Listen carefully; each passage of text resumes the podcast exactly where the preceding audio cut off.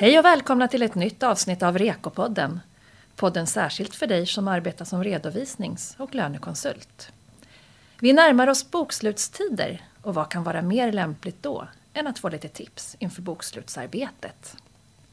Vilka är nyheterna inför bokslutet 2020? Och hur mycket påverkar coronapandemin bokslutsarbetet? En som verkligen kan detta ämne är Marcus Johansson som är redovisningsspecialist på Aspia. Välkommen till Rekopodden Marcus. Tack så mycket Pernilla. Och du är också aktiv i FARs, en av FARs operativa grupper som eh, eh arbetar med finansiell re rapportering, redovisning. Ja, det stämmer. Jag har mm. bytt namn under året så det har blivit ett väldigt långt namn och svårt att säga. Men ja, jag är med ja, där, helt rätt. Jag märkte det. um, och med mig har jag också Camilla Karlsson som är auktoriserad redovisningskonsult på FAR. Välkommen du också Camilla. Tack så mycket. Och jag som leder samtalet heter Pernilla Halling och är kommunikationsstrateg på FAR. Jag vill uppmärksamma särskilt på att eh, det vi diskuterar idag kan komma att justeras. Så att datumet för den här podden är 14 december. Det kan vara väl värt att lägga på minnet. Men Marcus, vi kör på. Eh, vad ska man vara särskilt uppmärksam på inför årsskiftet 2021? Ja, det har varit ganska lugnt år, förutom corona skulle jag säga. Så att man kan säga K2 och K3 har legat still. Eh, eh FAR har jobbat med att uppdatera redarättan om årsredovisning. Eh, Redar 2 om, kons, om eh, kontrollbalansräkning och Redu 14 om eh, kapitalförsäkring och pensionsutfästelser.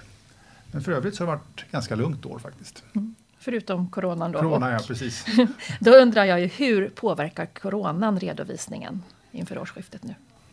Ja, pandemin har ju påverkat oss på alla plan, så även redovisningsmässigt. Vi har nya redovisningsregler från Bokföringsnämnden och Rådet för finansiell rapportering som behandlar frågor om som uppkommit, eh, vilka effekter som uppkommit av, med anledning av pandemin. Då. Vi har även fått ett antal olika vägledningar och skrivningar från FAR kring lite covid-relaterade frågeställningar. Camilla, vad ska man som konsult tänka på? Och eh, ger Reko kanske någon vägledning här? Eh, ja, delvis ger ju faktiskt REKO också vägledning i de här olika bitarna. REKO är ju ett processtänk och här är det ju dels hur man utför sitt arbete och det är också viktigt att man planerar uppdraget precis som REKO säger också. Och vad vi har kommit överens om kunden och vilka lagar och regler vi ska följa och idag kommer vi diskutera mycket K2 K3 och det är också någonting resonemang vi har med, med kunden att vi just tillämpar lagar och regler åt våra kunder. Mm. En fråga som är aktuell, Marcus, är ju när redovisning av erhållet omställningsstöd ska redovisas. Vad ska jag då tänka på? Kan du ge några exempel? Mm, jag ska försöka mig på att förklara. Eh, stödet kan tidigast intäktsredovisas när företaget får beslut om att stödet erhållits. Det innebär att för ett bolag med 31 8 bokslut som ansöker om stöd för maj samt juni och juli inte kan ta denna intäkt i bokslutet. Trots att man egentligen då innan underskrift av årsredovisningen vet att man erhållit stödet. Bakgrunden är att villkoret måste vara uppfyllt per balansdagen. Och det villkoret som stökar till det lite grann för oss är att prövning måste ha skett och prövningen sker då Skatteverket. Det innebär att någon fordran kommer aldrig att redovisas utan det blir en intäkt direkt på skattekontot och en övrig, alltså övrig intäkt. Debet skattekonto och kredit övrig intäkt. Men det sker inte i bokslutet 31.8 utan senare. Det har ju skett eh, lite förändringar i korttidsstödet. Kan du förklara lite vad det innebär? Ja, tack för frågan Pernilla. Jag ska göra ett försök att förklara. Vi har fått ett nytt korttidsstöd som förväntas träda i kraft 15 februari 2021 med möjlighet att söka retroaktivt från 1 december 2020 fram till och med sista juni 2021. Det här är då en händelse efter balansdagen. Eh, beslutet som sker in på nyåret men bekräftar ett förhållande som förelåg per balansdagen. Måste man först fundera på om man uppfyller det. Eh, sen får man då fundera på vilka villkor som ska vara uppfyllda eh, för att få redovisa intäkten. Och där pratar man inom IFRS för att man ska vara rimligt säker Medan man i K3 och K2 ej kan ta intäkten eftersom man måste bevisa att man inte är på obestånd vid ansökningstidpunkten. Och den tidpunkten är ju då efter räkenskapsårets utgång. Det är egentligen samma problematik som vi hade när det första korttidsstödet kom i mars 2020. Samma frågeställning. Om man nu som bolag så att säga, är lite osäker, och det här gäller inte det här stödet, men generellt sett på om man har fått pengar men känner en viss osäkerhet om man så här, uppfyller villkoren, då är min starka rekommendation att man redovisar det här som en skuld och inte som en intäkt. Då. Och det är klart, det här är ju lite rörigt upplevs rörigt, så att bäst vore såklart om Bokföringsnämnden kunde justera skrivningen i K2 och K3 så att det blev tillåtet att redovisa statliga stöd i den period stödet avser att täcka. Såklart under förutsättning att beslut erhålls innan den finansiella rapporten avges. Men där är vi inte ännu, men kanske snart. Eh, det som gick i somras borde egentligen kunna gå att genomföra ytterligare en gång. Och avslutningsvis då kring det här med offentliga bidrag så, så den enda det enda egentligen stödet, offentliga bidraget, som inte ska redovisas som en övrig intäkt, det är nedsättning av arbetsgivaravgifter. För det är liksom en direkt nedsättning i deklarationen, så det är egentligen inget då offentligt bidrag på så sätt. Mm. Ska vi förtydliga här lite Marcus, tänker jag också att eh, de här ska ju redovisas som en övrig intäkt i årsredovisningen. Och anledningen till att vi inte får intäktsföra de här, precis som du säger, det är ju för att det är ett offentligt bidrag. Ja precis, vi måste säkerställa att vi har uppfyllt villkoren helt ja. enkelt. Ja, precis. Mm. Så det är därför man kan tycka det är lite tokigt. Absolut, men det blir väldigt konstigt och det blir väldigt liksom, datum hit och dit som, som blir avgörande och mm. eftersom datumen blir så avgörande så blir det lite olyckligt för att syft, som det ser ut nu så kommer intäkten inte när man skulle vilja ha den utan den kommer betydligt senare vilket är olyckligt för företagen. Vi matchar inte dem. Nej. Nej. Camilla, hur är det då om jag eh, resonerar kring de här bidragen med min kund? Krävs det någon dokumentation? Absolut, eh, det här resonemanget det kan ju faktiskt vara väsentliga frågeställningar och här är det ju viktigt att vi dokumenterar som vanligt vilket resonemang vi har haft med kunden och vad vi har kommit överens om med kunden. Så att eh, det krävs dokumentation även i det här läget. Mm. Och hur ska jag göra då som konsult agera om, om min kund inte intäktsför bidragen så som Marcus har nämnt? Nej, då ska vi uppmana kunden och rätta, precis som vi hjälper kunden att rätta andra transaktioner så är det ju en rättning som ska göras. Skulle kunden mot förmodan inte vilja skuldföra den här posten, jag menar då är det ju en rapportering av väsentliga händelser, omprövning av uppdrag. Då landar vi i de här delarna precis för då följer ju inte kunden tillämpliga lagar och regler. Och varför skulle man inte vilja göra det? Man kanske är i behov av intäkter för att eh, få lite bättre resultat. Okej. Okay. Marcus, du nämnde ju inledningsvis att Bokföringsnämnden har gett ut några nyheter.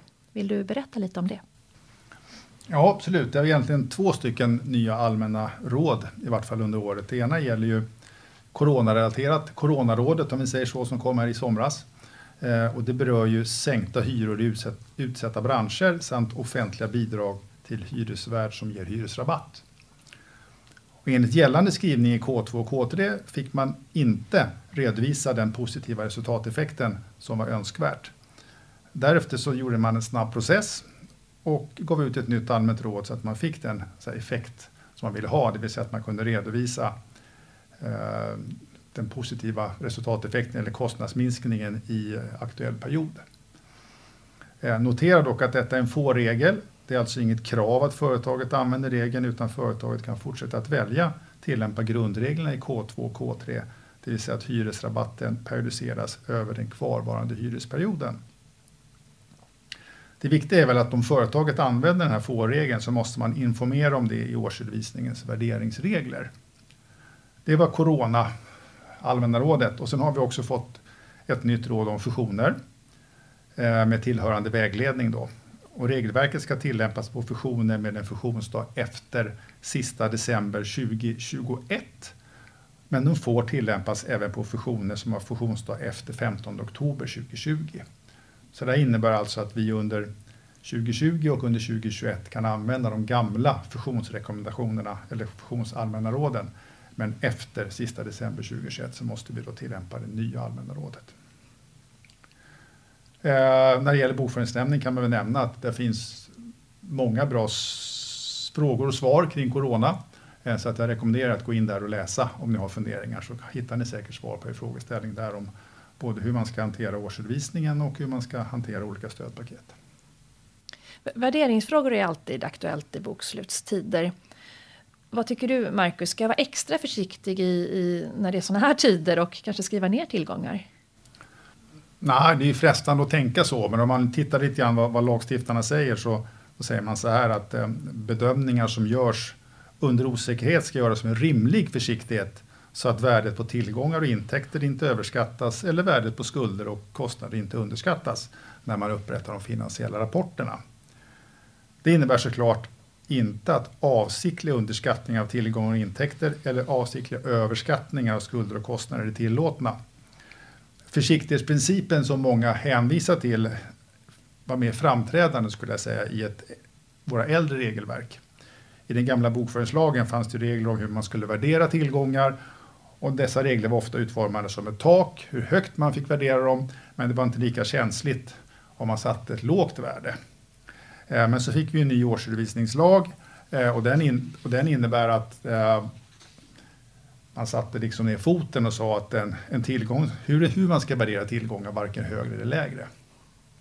Så att man ska inte vara extra försiktig, man ska vara precis, göra precis som vanligt helt enkelt. Mm. Men Camilla, hur ska jag då som konsult tänka och dokumentera om det finns poster som måste skrivas ner? Ja, det är ju precis som eh, vilka eh, bokslutstransaktioner som helst egentligen här är. Det är viktigt att vi dokumenterar de ställningstaganden och det resonemanget som vi har haft med kunden och att vi testar på tillgången. En tillgång som jag kan tycka är rätt så aktuell i dagens läge är ju om man har aktier i dotterbolag till exempel. Att man verkligen ser, har dotterbolaget det här värdet? Krävs det någon nedskrivning utav det här så att det verkligen håller det här rätta värdet som Marcus var inne på? Och Marcus, jag har hört att du är lite nördig när det gäller immateriella anläggningstillgångar, stämmer det? Ja, jo, nej, absolut. Jag måste mm. erkänna det. Jag är en, en liten nörd på det. Jag tycker sånt är lite kul. Ja, helt ja, bra, för då tänkte jag passa på och fråga dig lite om det. Det är ju ett eh, snårigt område. Eh, och då undrar jag, vad gäller till exempel för affärssystem? Är den förvärvad eller egen upparbetad tillgång? Ja, ja, det är en intressant fråga såklart. Alla frågor om immateriella är intressant, men just den är speciellt intressant för där har faktiskt Bokföringsnämnden särskild normgett eh, kring den frågan. Eh, och, eh, då säger man så här, om man köper ett affärssystem eh, och anpassar det till företagets verksamhet, eh, då uppstår ingen ny unik tillgång. Det är fortfarande samma affärssystem. Eh, alltså betraktar man då det här som förvärvat. Eh, och det kan ju tyckas rimligt om man säger att man köper ett affärssystem, att det är förvärvat. Eh, men i många andra fall av tillgångar så kan man säga så att om man köper någonting, utvecklar det så att det blir någonting annat, då blir helt plötsligt alltihopa smittat och då, blir alltså, då betraktas allt som egenupparbetat. Och det är därför som jag tror att Bokföringsnämnden har förtydligat just affärssystem, att det är alltid förvärvat eftersom det kan röra sig om väldigt stora anpassningar. Då. Själva köpet kan vara ganska billigt men anpassningarna kan vara ganska stora pengar. Men affärssystem är då, har man sagt, är en förvärvad tillgång. Men kan en tillgång vara både immateriell och materiell anläggningstillgång? Ja, jo, alltså det, där kan man också hamna. Eh, redovisningar i möjligheternas konst. Eh, kanske lite knepigt i K2, för det är mera fyrkantigt så. Då. I K2 pratar man ju om eh, om man har en, en, köpt någonting så tittar man på fakturans belopp. Eh, och när man jämför hur mycket är den hur mycket jag betalt för det materiella och hur mycket jag betalt för det immateriella. Och är det 50 procent materiellt så är det det som styr. Eh, och dessutom pratar man om att man har det, rör, det man köper rör som en tillgång. Eh, man är tydlig med att det är en tillgång. Eh, om man däremot går in i K3 så pratar man inte om belopp utan där pratar man mer om den del som betyder mest och då har vi helt plötsligt lite subjektivitet, vilket är trevligt eh, kring detta. Eh, och sen kan man ju fundera på om jag köper någonting, skulle jag kunna då dela upp den i, i en immateriell och en materiell? Eh, ja, det tycker jag, om man ser att var och en av de här är liksom identifierbar eh, och att man kan ha olika nyttjandeperioder på, på, på tillgångarna. Så att, eh, däremot så finns inte den här komponentuppdelningen på immateriella, det är bara materiella. Men att vi skulle kunna dela upp en tillgång i två delar, det tycker jag är fullt möjligt i K3. Mm, vi har ju varit inne på corona en hel del och eh, Jag tänker på effekten av corona. Har du då några tips på vad jag ska upplysa om i årsredovisningen? Ja, inledningsvis kan man väl säga att det, det finns eh, lite olika uppfattningar eh, i, i, branschen kring huruvida man ska skriva eller inte skriva. Eh, och framförallt om det man tycker inte att det har påverkat. Och min uppfattning är att jag tycker man ska skriva även om man inte tycker att det har påverkat överhuvudtaget. Eh, för att slipper läsarna fundera på det här om man har glömt det eller inte. Men det finns olika uppfattningar i den frågan, men så tycker jag. Ja. En, en följdfråga där bara. Är det någon som, hur många är det som inte påverkas av corona? Är det, är det... Nej, jag vet inte. Man skulle kunna tänka sig att, eh, att man har helt vilande bolag som det inte har hänt någonting i. Då. Att det, det skulle det inte kunna vara. Men, men eh, ja, jag tycker, det, just det här fallet tycker jag det är bättre att fria än att fälla. Eller bättre att skriva än inte skriva generellt sett. Så tycker jag. Eh, sen kan man säkert, sen den som avgör det, om det är rätt eller fel, är väl avslutningsvis domstolarna om det skulle bli process. Men eh, man kan ju få tycka i vart fall. Ja, man får hoppas man slipper hamna i domstol. Ja, ja med sån bagatell. ja. Men det är ju ändå upplysningar som ska ske i årsredovisningen där Marcus. Eh, tänker, jag brukar alltid rekommendera att man ska gå liksom uppifrån och ner och titta på väsentliga händelser under räkenskapsåret och efter räkenskapsårets slut också. Och lite allmänna upplysningar om eh, verksamheten. Har du lite tips där på och vägledning hur man ska hantera dem? Ja, det låter skönt Camilla, vi, vi, är överens om att man, att, man, att man ska skriva, eller i alla fall att man bör skriva kring vissa poster. Och det är klart att det är en väsentlig händelse under året Eh, och, och det, vad man skriver, det beror ju på såklart vilken verksamhet man har. Men det skulle kunna vara typ exempel så här. I samband med bokslutet har bolaget gjort stora reserveringar för osäkra kundfordringar. Totalt har man reserverat så här mycket pengar. Eh, och styrelsens bedömning är att det här är största, ett resultat av det här är egentligen effekten av det här, att det blir så här, är coronapandemin som har gjort, orsakat det här. Vi har erhållit så här mycket offentliga bidrag till exempel eh, för att eh, kunna bedriva verksamhet vidare och vi har tvingats korttidspermittera X personer. Någonting sånt där skulle man väl kunna skriva. Mm. Då har du gått igenom alla stöden där egentligen i det här bolaget. Ja, ja precis. Ja. Det var någon på en gång kanske. Ja. Men, som sagt, hur mycket man skriver det beror ju på vilken verksamhet man har. Stort eller litet bolag och sådär. Så att, men eh, någonting tycker jag är bra. Mm. Och efter räkenskapsårets slut då? Ja, där kan man ju då beroende på Eh, de här offentliga bidrag, alla, kan vi kalla för eh, offentliga bidragen som man kanske inte kan redovisa då eh, i den period man skulle vilja kan man ju skriva då att under nyåret har vi fått så här mycket bidrag, offentliga bidrag och vi kanske har tvingats säga upp mer personal eller vi kanske har fått ta tillbaka personal, vad vet jag, att man kan skriva lite även positiva saker som kan ha hänt. Lokalytorna och så vidare. Ja, det finns ju många olika områden. Man får väl fundera på sin verksamhet och sen skriva ihop några rader. Men den här som vi diskuterade innan kring hyresnedsättningen. Eh, här kan jag väl upplysa om det men det är viktigt att jag skriver det under redovisningsprincipen att jag använt den eh, tillämpningen att inte periodisera ut under hela avtalsperioden. Så den landar inte riktigt här. Nej, det måste man absolut skriva även under principerna. Sen om man vill skriva förvaltningsberättelse går det bra, men det går inte att ersätta förvaltningsberättelsen med principerna i och med att de ska liksom hänga ihop. Eh, förvaltningsberättelsen kan inte ersätta redovisningsprinciperna, så att helt rätt. Mm. Good point. Och sen har vi de större bolagen också. Där finns det lite mer som vi ska skriva om. Eh, upplysningar. Ja, de större K3 där har vi väl, man skriver om framtida utveckling samt beskrivning av väsentliga risker och osäkerhetsfaktorer. Där är ju någon form av rubrik. Och, och det är klart att samma skrivning som man har i de mindre bolagen kan ju passa där, men det får ju vara lite mer kött på benen eftersom det är ja, man ska vara lite mer tydlig, det finns lite mera krav om man tittar vad som ska anges i sin förvaltningsberättelse. Men exakt vad man skriver där, det har jag har inte några direkta tips utan man får väl kolla vad, vilka rubriker man ska ha och så får man fundera på sin verksamhet. Det här är ju verkligen ett uppligt, uppligt, eller yppligt tillfälle faktiskt att eh, se över sina förvaltningsberättelser och eh, få lite mer eh, fyllig text mot vad det kanske har varit historiskt sett. Absolut, ja, verkligen. Det kanske inte är så jätteroligt att skriva om men det, det, det är väl, ja, jag tror alla känner att man har påverkats och då kan det vara bra att skriva om. Mm. Det kan vara bra att ta en diskussion med kunden också och säga att nu är du en stor K3, det innebär att man behöver kommentera om de här områdena. Eh, och så får de fundera lite grann på kanske text över julen. Då. Mm. Och en del har ju faktiskt påverkats positivt också. Absolut. Får vi inte heller glömma. Absolut. Nej, nej, nej, alla som jobbar med videokonferenser måste ha en fantastisk situation just nu tror jag. Ja. Mm. Mm.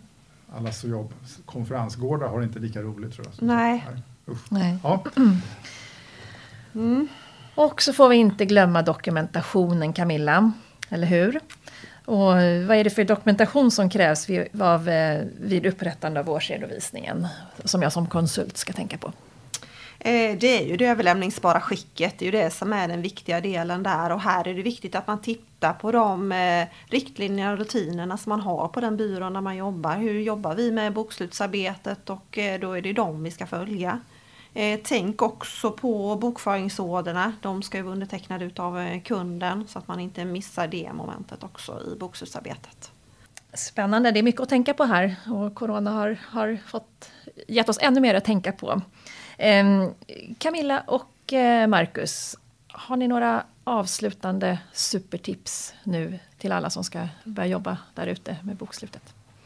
Ska jag börja med mitt supertips? Ja, Absolut. Ja, då tänker jag ju på, missa inte nu att vi har en uppdaterad utgåva utav REKO 2021.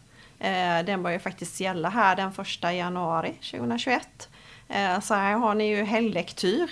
Eh, den finns på farg.se eh, att läsa. Så att, eh, ja, ja, och det finns även en podd om REKO 2021. stämmer bra det. En REKO-podd, så att, lyssna på den om ni är intresserade. Mm. Och Marcus, har du något supertips?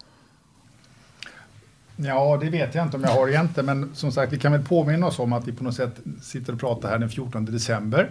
Eh, och eh, man vet aldrig vad som händer. Det är rörlig materia i redovisningen och eh, alla coronaregler och så vidare. Eh, så att eh, mitt tips är väl att man följer debatten, man tittar, läser sin balans eller resultat på, på nätet.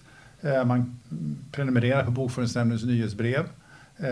Och så får vi se om det sker några förändringar kring, kring de här reglerna framgent. Förhoppningen är väl att så kommer ske, men det är ingenting som vi vet, utan vi kan bara hålla tummarna för att det blir en förändringar och då är det bra att ni är med på det. Så tänk på att det är den 14 december idag. Tio dagar till tomten. Ja, Ja, bara det. Ja, exakt. och det får bli det sista tipset i den här podden. Stort tack Marcus för att du kom hit till REKO-podden. Ja, tack för att jag fick komma. Jag önskar alla en trevlig jul. Och stort tack Camilla för att du också kom hit. Tack så mycket. Jag önskar också alla en trevlig jul. Och tack alla ni som har lyssnat och god jul och lycka till med bokslutsarbetet.